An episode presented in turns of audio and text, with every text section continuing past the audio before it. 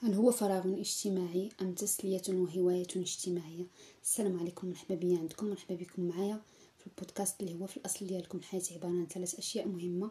حب الخير لغيرك كما تحب نفسك احترام متبادل وتفاءل بالخير تجدوه لن أقول لك أن ما تؤمن به ونشأت عليه. يحتم عليك ويحرم عليك هذا لكن إنسانيتك تلزم عليك الابتعاد عن هذا المرض. هو من أسوأ العادات التي يمكن أن يتصف بها الشخص. بل هو مرض لم يسلم منه أحد. انتقل عبر مختلف العصور والأزمنة في مختلف المجتمعات هو القيل والقال ونقل الكلام. هناك من يحب سماع أخبار الآخرين بغض النظر عن صحة الخبر أو كذبه بسماعه ونقله وحشر أنفه فيما لا يعنيه. بل يتمتع ويستمتع في انتهاك حياة الآخرين تحت مصطلح الشائعة. فالشائعة هي معلومة مشوهة تتطور وتنمو وتتجسد بتعليق لا أساس له إلى قصة كاملة من التأويل والتأليف في موضوع معين. ليس من الضروري أن تكون هذه العادة في حياتنا القيل والقال ونترصد بها زلات وعيوب الآخرين التي نراها ونحكم عليها واقعا.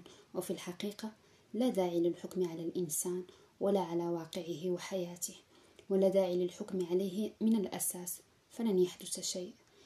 لا تصدق كل ما يقال ولا كل ما تسمع. وإذا جاءك أحد بنبأ فتبين قبل أن تتهور وإياك والشائعة.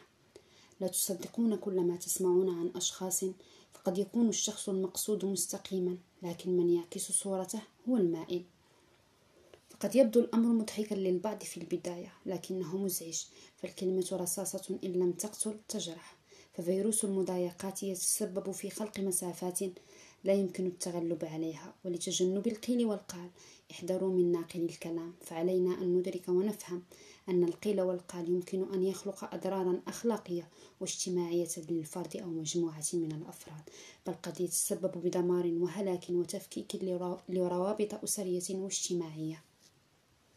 احذروا أن تكونوا مصدرا لنشر الأكاذيب والإشاعات الوهمية. ثم تتحملون أوزارها ووزر نقلها والعمل بها فأخرج نفسك من دائرة القيل والقال. فناقلي الكلام يمضون ويسخرون حياتهم بتتبع حياة الآخرين بنجاحها وفشلها وحلوها ومرها. ما هم إلا أعداء أنفسهم أولا قبل الآخرين. حاقدين حاسدين لا يجيدون شيئا سوى نشر السوء أينما ارتحلوا وحلوا.